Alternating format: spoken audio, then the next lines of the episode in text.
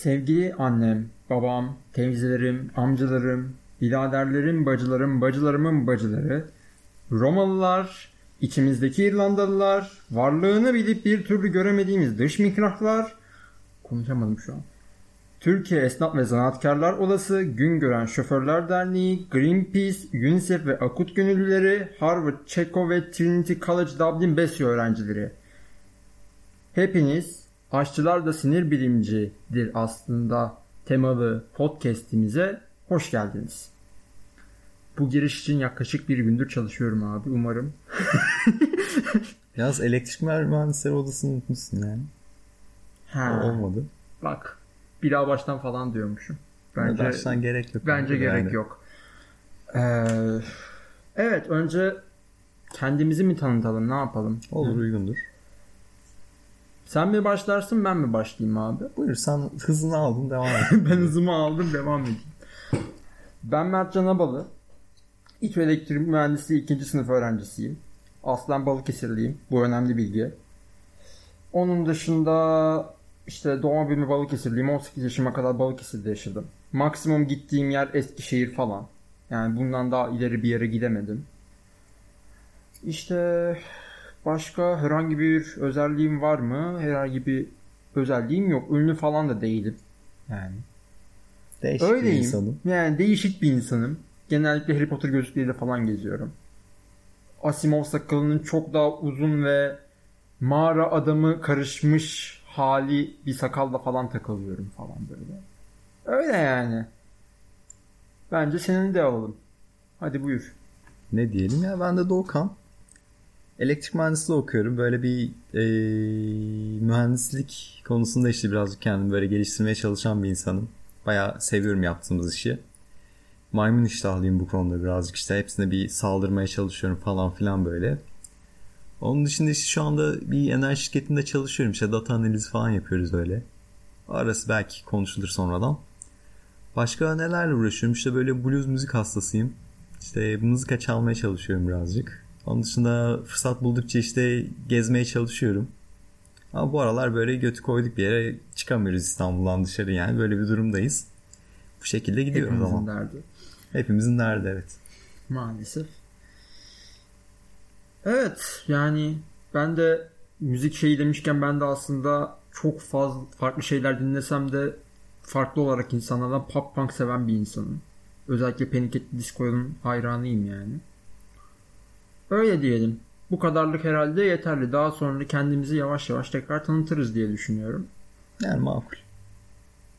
İşte Instagram'da Escoffier was a neuroscientist nickli hesap bu e, podcastiyle uğraşıyoruz. Şu ana kadar neler attığımızdan falan birazcık bahsedelim.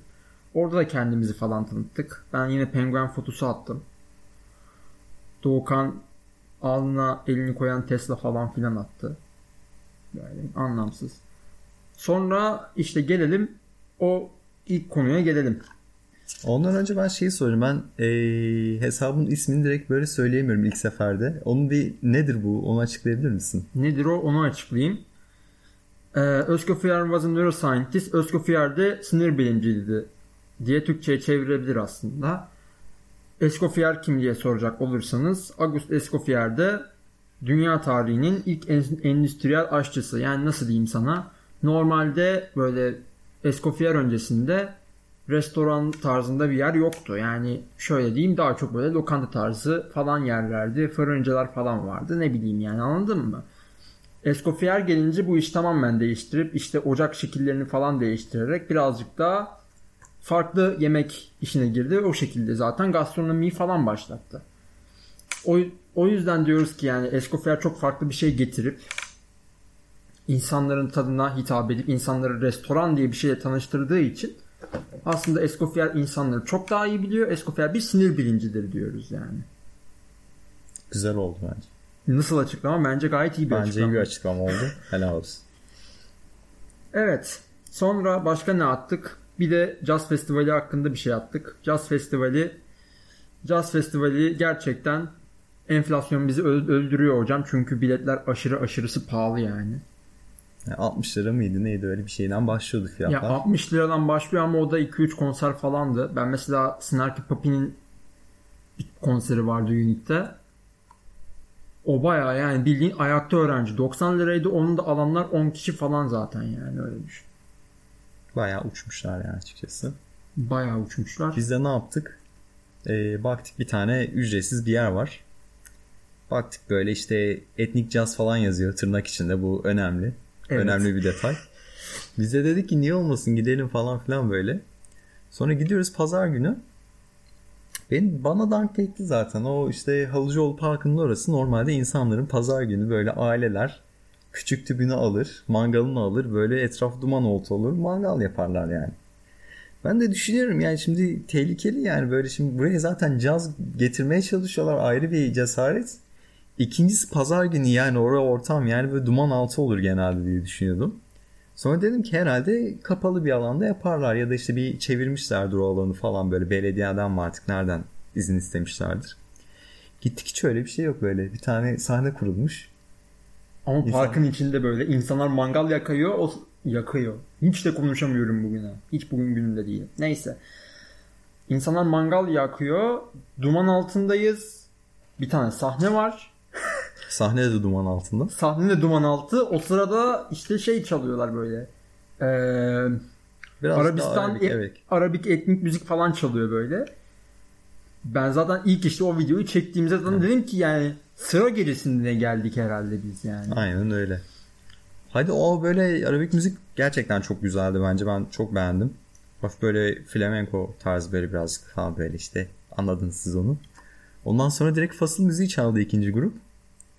Hani orada zaten direkt koptuk dedik yani hadi üçüncüde de böyleyse kalkalım abi zaten uykulukçuya gideceğiz diye ana motivasyonum benim oydu uykuluk yemekti. Abi bayağı bildiğim bu arada hani yoldan çevirdikleri klarnetçe getirmemişler mi? Biraz öyle olmuş yani. yani tam olarak öyle olmuş ya. Böyle dinliyoruz biz neredeyiz insanlar oynamaya falan çıkıyorlar böyle geldik herhalde çocuklar kenara falan diyecekler biraz falan zannediyoruz yani. Birazcık öyle oldu. Sonra dedik işte üçüncü de artık yani yine böyleyse kalkalım. Üçüncü ama öh geldi yani adamlar. bir gelmişler abi. Beş tane mi altı tane mi çeşit çeşit üflemeli boyna dolamalı böyle direkt saksofon falan filan iki tane de bateri uçtular adamlar. Orada keyfimiz yerine geldi. Baya keyiflendik ya. Öyle böyle keyiflendik. Yani bir ara gitsek hadi gidelim falan diyoruz. Hadi şunda da kalalım falan filan diyorduk böyle. Tabii benim 12'de nöbetçi yurda yetişmem gerektiği için Gerçi zar zor yetiştirdik. Zar zor seni. yetiştirdik yani. Uykuluğa gittik. Uykuluk da bayağı keyifliydi. Yani bayağı keyifli geçti. Öncesinde Rahmi Koç Müzesi'ne falan gidip eski arabalar falan gördük biraz. Bayağı kaliteli bir gündü. Verimliydi yani. Tabii biz böyle konuşuyoruz. Biz bunu ayda bir yapıyoruz. Öyle her hani gün yapsak entel bir insan değiliz. Kesinlikle öyle bir şey anlaşılmasın. Kesinlikle alakamız yok. Yani bize benim de bana genellikle entelektüel insansın falan diyorlar ama yani bana entelektüel denmesi gerçekten entelektüel insanların küfür gibi bir şey herhalde yani. Normal bayağı bildiğin köyde doğa, doğup büyüyen daha doğrusu Balıkesir'i dünyanın en büyük köyü olarak düşünürsek köyün içinde köy köyception'da büyüyüp İstanbul'a gelmiş bir insan olarak asla entelektüel değilim. Zaten entelektüel olmak için 3 kuşak entelektüel olması gerekiyor falan mevzuları zaten baştan Mümkün değil yani. zaten. Gerçi şöyle bir mevzu da var. Eğer üç kuşak entelektüel oluyorsa birinci kuşak nasıl entelektüel oluyor? İşte. Değil mi? O da ayrı bir konu. İşte bu, bu baya büyük bir paradoks yani. Neyse. En sonunda Doğukan aslında bu podcast'i çıkarmayı isteyen insan. Ben bayağı Doğukan'a salmıştım olayı. Doğukan da hiç oralı olmadı. Sağ olsun. oralı olmadı yani. En sonunda geldi biz bu hafta sonu bir podcast yapalım falan dedim ki hele şükür podcast'in olduğunu hatırladım dedim ve Doğukan Apollo 11 resmi atarak kalkışa geçiyoruz dedi. Apollo 11 demişken de ben şu soruyu sormak istiyorum. Gerçekten sence Ay'a çıktık mı? Kesinlikle hayır. Kesin çıkmamışız. Kesinlikle hayır yani. Mümkün değildi abi çıkmamız. Ya o tamamen bir Amerikan devletinin propagandası yani. Tabii abi yani stüdyoyu falan kurmuşlar. Amerika zaten bu işin erbabı biliyorsun ki. Yani ya o kadar komplo teorisyeni yani yanılıyor olabilir mi yani? Yani sen... mümkün değil abi Nigma falan yani aa hiç Gerçekten. mümkün değil yani. Yani Aya çıkacak adam adım atacak falan yani. Propaganda bunlar. Ya o zıplamalar falan filan acaba onu nasıl yapmışlar ben onu düşünüyorum. Yani yok şu an kahvedeki bir adama git o bile bu konuda çok farkında yani biliyorsun. Vallahi düşünüyorum. Yani her şeyin farkında adamlar yani bunun Kesinlikle bir yalan abi. olduğunu. Kesinlikle abi. On, onlar gazete okuyorlar çünkü. Kesinlikle. Kültürlü Ya ben adamlar. okuyamıyorum gazete yoğunluktan falan. Yani onlar gazete okuyor. Yani değil mi? Sabah gazetesi falan okuyorlar. Yeni akit falan bu böyle. O yüzden yani bilemiyorum. Bence de çıkmamışlardır. Ama gel gelelim çok evet büyük bir girişim. insanlık için çok bence büyük bir adım. Yani bir kere düşünüyorum. Ya hayal edemiyorum. Adamlar yani eee, yani ne olacağı belirsiz bir yolculuk gerçekten. Ya bu şey yani nasıl desem eee, orta çağda hani gemiye atlayıp farklı bir kıta keşfetmekten çok çok daha üst bir şey bence. O bile yani beklenmeyen bir yolculukken ne olacağı belli değilken bu insanların yani böyle bir insan yapımı bir alete güvenip eee, yani bulundukları işte gezegenden uzaklaşıp yani farklı bir gezegene ulaşması yani bir uydu da olsa çok farklı bir şey gerçekten ya. Öyle. Şimdi işte Mars'a koloni kuracağız falan diyorlar. Yani evet roket bilimi acayip bir şekilde ilerliyor. Yani benim gördüğüm kadar çok cahiliz bu konuda ama yani gerçekten aldığımız haberleri falan eee, gerçekten heyecan duyuyorum ben. Yani mesela abi bayağı roketle falan gideceğiz yani ulaşım falan sağlanacak. SpaceX'in böyle araştırmaları var. Yani evet şey de değil bu sadece böyle işte Mars'a gitmek de değil olay yani eee, yani bu gezegenin işte bir kıtasından işte ne bileyim Çin'den ne bileyim Amerika'nın bir bölgesine roketlerle işte 12 saatlik bir uçak yolculuğunu yarım saati bir saati indirmeyi düşünüyorlar. Bunun sadece hani böyle bir eee, bir amaç olarak değil yani Mars tabii ki ulaşılması gereken işte istenilen bir amaç gerçekten çok büyük bir ideal ama Hani bu idealin beslediği bir sürü şey var. İşte uzay madenciliği olsun, bu tarz işte ulaşımdaki yepyeni teknolojiler olsun. Gerçekten e, önü açık bir şey ben. Öyle görüyorum en azından kendi gözlemlerimle. Heyecanla izliyoruz. Yani hepimiz heyecanla izliyoruz. Bugün aslında benim en çok konuşmak istediğim konulardan biri e, emisyon. Sürdürülebilirlik zaten hani en çok Mertcan'la ikimizin nasıl desem ilgi duyduğu bu konuda işte bir şeyler yapmaya çalıştığı, uğraştığı konulardan Ekip biri. falan kurdu. ekip kurduk falan filan işte. Hani eee, şu an baktığında işte ikimiz de anlattığımız gibi elektrik mühendisliği okuyoruz ve yani şu günümüzdeki işte bu 10 sene gerçekten çok farklı yenilikler geldi. Çok değişik olaylar yaşandı elektrik mühendisliğinde. Ve eee, karbon emisyonu yani bu şey nasıl desem bu kaygı gerçekten üst düzeye ulaştı. Çok ben bu konuda şeyim yani tatmin oluyorum yaptığım işten. Çünkü yani yaptığım işte nasıl karbon emisyonuyla e, savaşan belki birinci sektör olabilir. Zaten nedeni de e, enerji sektörüydü. İşte normal elektrik harcaması %40 ile %50 arasında bir etki sağlıyordu neden hani hatırladığım kadarıyla. Direkt sadece elektriğin üretiminin dağıtımı gibi bir şey bu. içini barındıran. Ha, böyle bir yüksek bir oran varken bizim yani bu konuda bir şeyler yapmak istememiz ya da işte bu konuda dünyanın bir gelişme kaydetmesi çok hoş bir şey bence. Böyle bir giriş yaptım ben. Sen ne demek istersin? Valla ne demek isterim? Valla bayağı güzel açıkladın. Ancak ya şöyle bir mevzuya direkt atlayayım ben. Şöyle bir durum var. Sıfır karbon salınımı, sıfır kirlilik, işte sıfır düzensizlik sağlamak gibi bir şey bence mümkün değil. Çünkü şöyle düşün. Ben bunu şeyde okumuştum bu arada. Bir ara nükleere merak sarmıştım ben.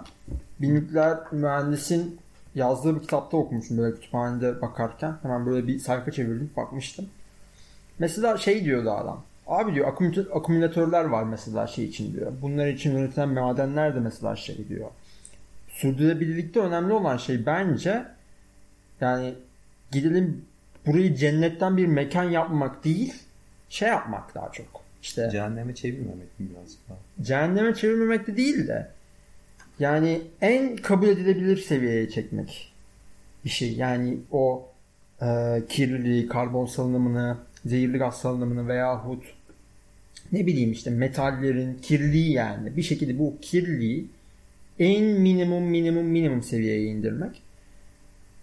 O sebeple yani her şey hakkında ilk başta şunu söyleyeyim. Bu karbon emisyonu hakkında öncelikle şey olmamak lazım. Ee, sıfır karbon tarzında bir sıfır atık tarzında bir şeye gitmemek lazım. Nihayetinde yani biz nefes alan bir varlık varlıyız yani. Yani sonuçta biz bile bir karbondioksit salıyoruz. Öyle düşünün.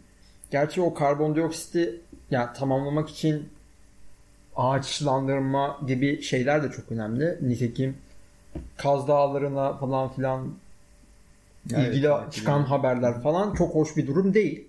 Kesinlikle. Ancak yani minimuma indirmeye çalışıyoruz. Sıfıra indirmiyoruz. Öncelikle yani bunu şey yapmak lazım. Yani bunun bir bilincinde olmak lazım.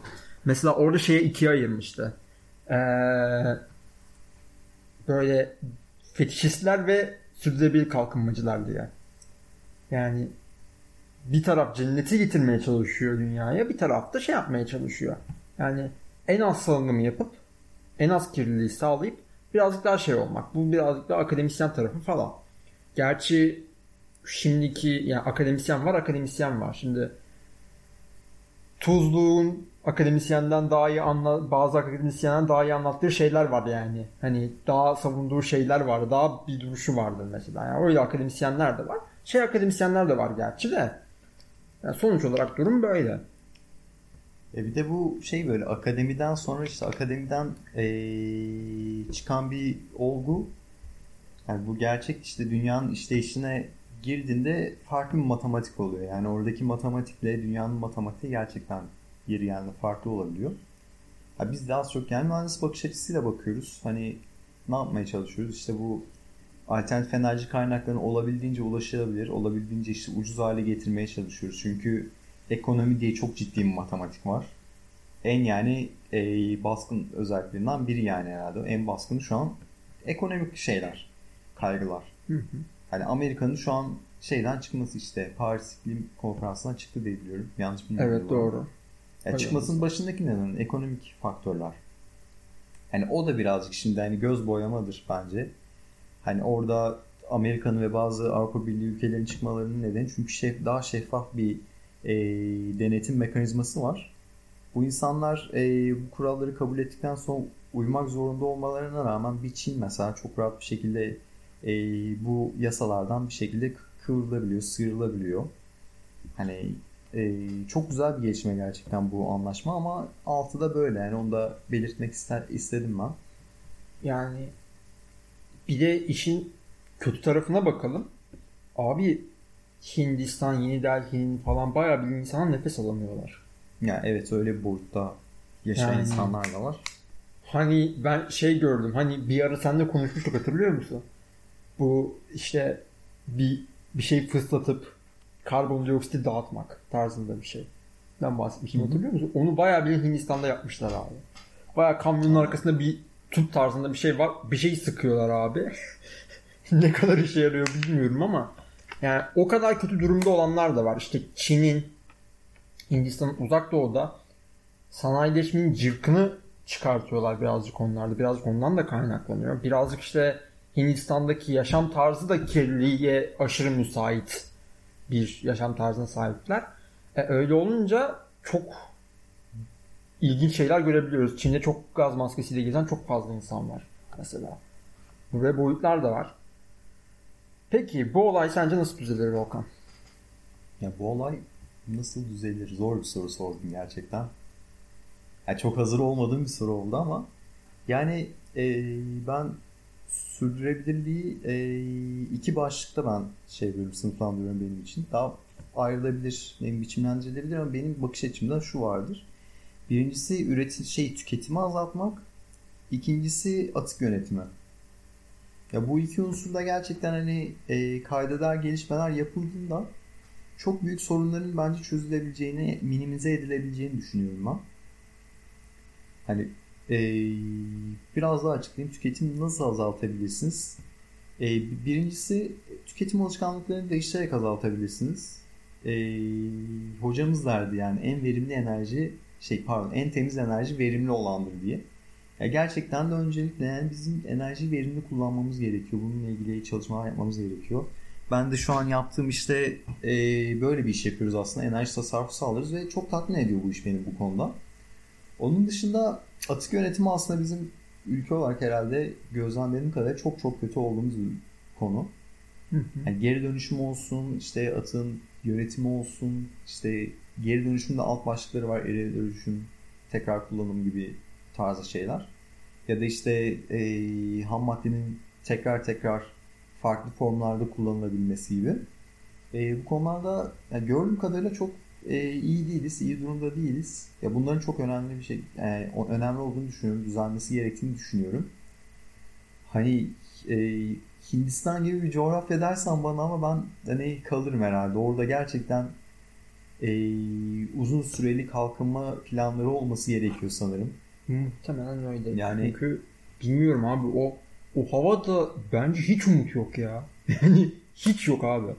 Benim düşüncem. Aşırı umutsuzum yani ben oradaki hava kirliliği konusunda şahsen. Ya olay şey birazcık da hani e, ya hükümet ve insanların da yani bu konuda şey yapması gerekiyor. Gerçekten bilinçli olması gerekiyor. Hindistan coğrafyası benim bildiğim kadarıyla gerçekten bu konuda sınıfta kalmış bir topluluk. Maalesef işte eğitim çok kötü, nüfus çok fazla. insanların önce bir karnını doyurma gibi bir şeyleri var, ihtiyacı var. Bu konuda sıkıntı yaşayan insanları bizim gidip de işte sen işte çok fazla işte ne bileyim karbon, karbon ayak iziniz çok yüksek demek gerçekten çok komik olur.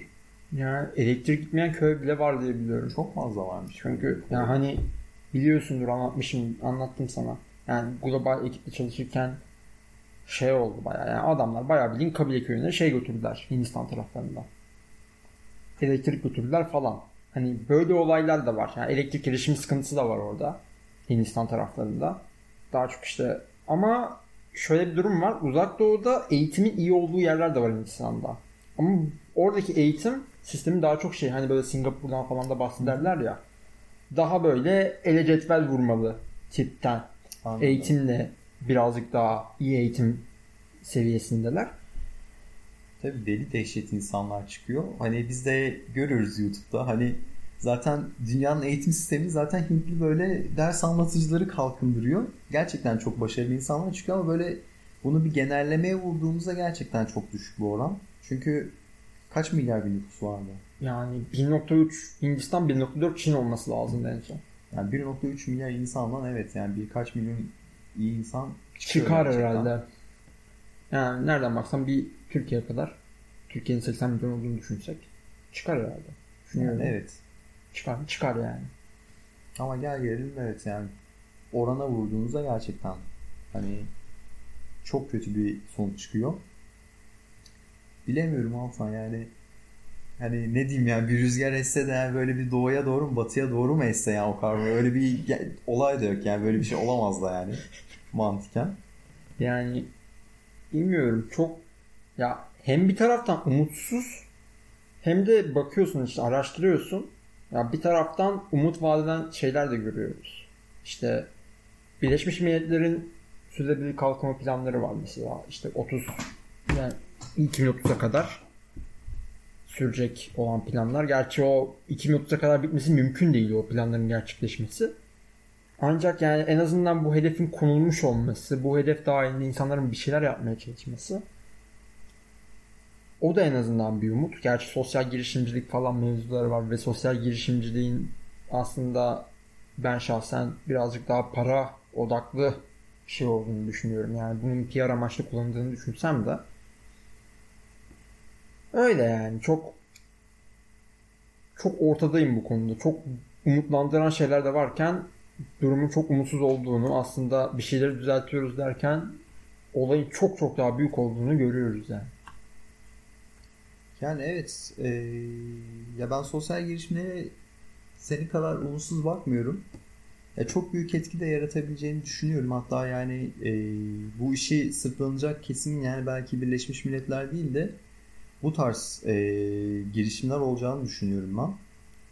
Ya Birleşmiş Milletler'in burada yapacağı belki konumu sadece onlara destek vermek bile olabilir. Hı-hı. Belli bir zaman sonra. Hani düşünüyorum şimdi bu sene içinde e, ismini unuttum kızım.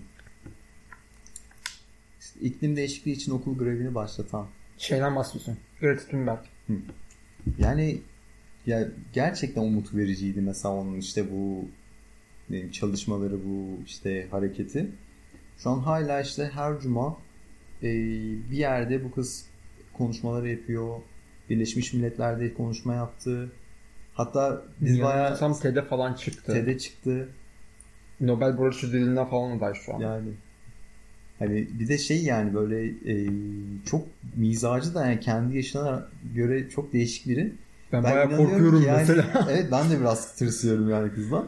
Bu kadar mantıklı konuşmaması gerekiyor bence bu çocuğun yani gerçekten ürkütücü. Diyorum ki ya bu kız Nobel ödülünü alsa gerçekten ödül konuşmasında herkese bir posta kayar ondan sonra ödül de bırakır yani bence. Bilmiyorum bundan kesinlikle emin değilim ya. Yani Birleşmiş Milletler de gerçekten yani tabiri caizse yani göt etti yani herkesi yani ağzına geleni söyledi. Ha böyle bir insan gerçekten çok şey ya ya özel bir insan bence. Ya, bence de özel bir insan. Ama bence o mesela İsveç'ten çıkardı anca. Yani, yani ne bileyim başka yerden çıkar evet. mıydı? Ama var ya Türkiye'de de hani ondan sonra bunu şey destek olan işte e, aktivist olarak kendini tanıtan böyle çocuklar var. Konuşmalarını biraz dinledim, ettim yani. Ya gerçekten pırlanta gibi çocuklar. Ayvalık'ta falan işte Greta'ya katılanlar falan var bayağı. Yani Ayvalık'ta orada burada Çanakkale'de falan filan hani e, çok var. Ha diyeceksin ki yine ülkenin batısı ama olsun yani bizim ülkemizden çıktı yani bu yani. insanlar. Bir, çocuklar bir şeyler yapmaya gerçekten çalışıyorlar, hevesliler. Ya bu insanlar e, şu an yani ilkokulda, ortaokul çağındaki çocuklar. Bunlar önümüzdeki 10 senede yani bu iklim değişikliği ile ilgili e, olabilecek çalışmaların öncüsü olacaklar çok net bir şekilde. Yani bu insanlar büyüyecek yani. yani. Ve şunun farkındalar ya ben bu dünyaya yeni geldim daha şu an 10. yaşındayım ya da 15. yaşındayım. Abi 20 sene sonra ben yaşayamayacağım belki bu dünyada diye düşünen çocuklar yani. Kesinlikle öyle. Evet daha konuşacağımız bir şeyler var mı? Çözümden yani çözüm konusundan bahsettik. İşte emisyonun biraz daha genel durumundan bahsettik. Yani yavaş yavaş bitirmeye geçeceksek ben hani e, isteklerimden bahsedeceğim. Bahset abi. Hani bu arada kim dinleyecek bizi çok merak ediyorum. Gerçekten Bence dinleyen bak, çıkmayacak abi. 27 dakikadır konuşuyoruz. Gerçekten yani 27 dakika boyunca dinleyen biri varsa Hani Elini hesap, sıkarız abi. hesabım belli işte. E, hesabımız orada. Yazsın bize gelsin çay içelim ya. Gerçekten çok Gerçekten bak beraber podcast bile yapabiliriz. Çok Aynen. net konuşuyorum. Hani şurada 10 kişi de izlerse gerçekten ben e, ya kişiler izlesin diye biz bunu çekmiyoruz ama çok herhalde mutluluk verir bana. Ya benim söyleyebileceğim buradan artık kime ulaşabiliyorsam yani e, ne iş yapıyorsak yapalım gerçekten. E, Birleşmiş Milletler konusunda ne düşünüyorsunuz bilmiyorum. Benim de düşüncelerim çok olumlu değil ama bu sürdürülebilir kalkınma hedefleri konusunda biraz inceleyip e, ben bu hedefler dahilinde ne yapabilirim, neyi değiştirebilirim diye düşünebilirseniz çok güzel olur. Yani bu hedeflerin içinde e, cinsiyet eşitliği de var. E, dediğimiz gibi temiz enerji var, temiz bir dünya var. E, sen biraz daha söyle Mertcan. Yenilenebilir enerji var. İşte onun dışında barış, adalet tarzı şeyler var. İşte ekonomik gelişme, ekonomik eşitlikler, ee, ilkokul yani ilkokul seviyesindeki eğitimin sağlanması, gitmeyen yerlere, işte ne bileyim temel sağlık ihtiyaçlarının sağlanması gibi birçok şey var. Neredeyse her alana yayılan bir olay var. Yani yapabileceğiniz her küçük bir katkı bile zaten ona bir şekilde uyuyor. Aynen öyle. Yani ne ol, kim olursanız olun işte mesleğiniz, yaptığınız iş, e, onun dışında ne bileyim sosyal yaşantınız, sosyal statünüz ne olursa olsun gerçekten kendinize bir pay çıkarabilirsiniz orada. E, ve bu konuda destek sağlayabilirsiniz. Ne mutlu ki bana ben şu an hani bir enerji verimliliğiyle ilgili bir şeylerle uğraşıyorum ediyorum falan. Bu hani az çok ben işte kıyısından köşesinden oraya bir destek verebilecek bir kişi olduğumu fark ettim. Bunu fark etmem hani belki iki sene aldı ama gerçekten şu an e, biraz farkında olduğunu düşünüyorum bu konuda. Hani herkesten en azından böyle pay çıkarmasını ve az da olsa destek vermesini rica ediyorum. Sen ne demek istersin Mertcan? Valla benim diyeceğim şey yani bir iki cümlede ben söyleyeyim.